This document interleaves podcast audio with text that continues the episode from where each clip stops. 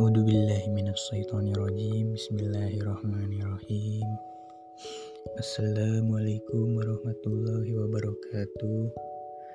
Mari kita panjatkan puji syukur kehadirat Allah Subhanahu wa taala yang telah memberikan nikmat iman, nikmat Islam serta hidayahnya kepada kita semua. Pada kesempatan ini, saya serta kelompok saya akan berpresentasi yang bermateri mengenai digitalisasi timbangan barang di Dinas Perhubungan. Saya sendiri yang bernama Muhammad Irfan Maulana serta kedua anggota saya yang bernama Divya Uzlah dan Ilham Muhammad Firdaus. Yang pertama akan dibacakan oleh saya sendiri yang mengenai digitalisasi timbangan barang di Dinas Perhubungan.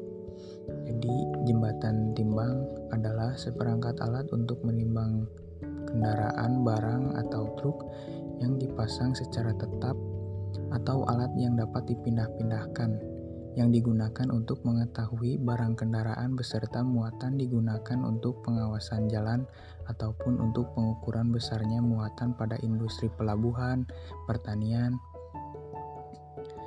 Sebenarnya, istilah yang benar adalah timbangan jembatan. Jembatan timbangan atau truck scale merupakan peranti yang penting bagi berlangsungnya hidup banyak industri manufaktur di Indonesia. Selanjutnya akan dibacakan oleh Divya Uzlah.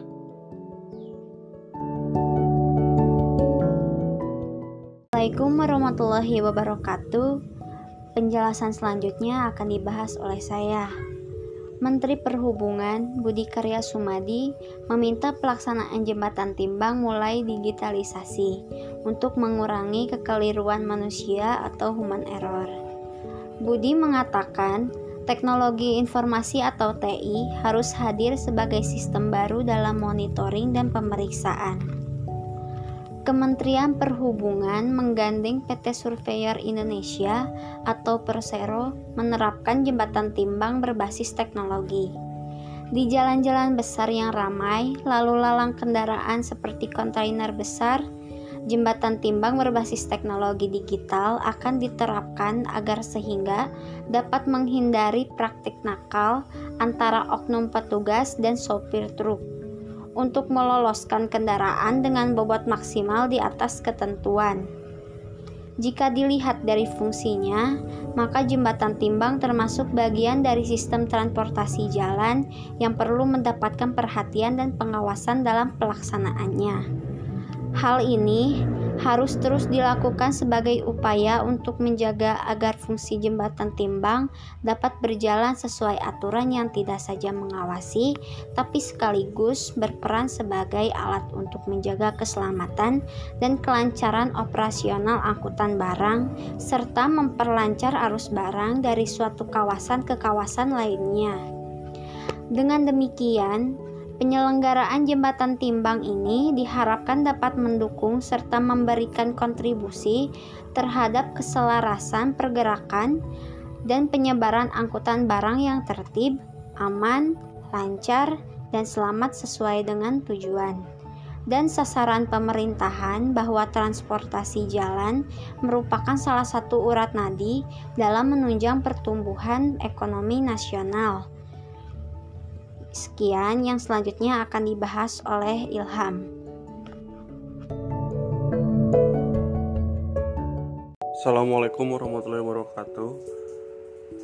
Pembahasan yang selanjutnya akan dilanjutkan oleh saya. Dalam Undang-Undang Nomor 22 Tahun 2009 tentang Lalu Lintas dan Angkutan Jalan disebutkan bahwa alat penimbangan yang dipasang secara tetap atau lebih dikenal dengan jembatan timbang berfungsi sebagai alat pengawasan muatan angkutan barang yang meliputi tata cara pembuatan, daya angkut, dimensi kendaraan, dan kelas jalan yang wajib dipatuhi oleh setiap pengemudi atau pengusaha angkutan umum barang.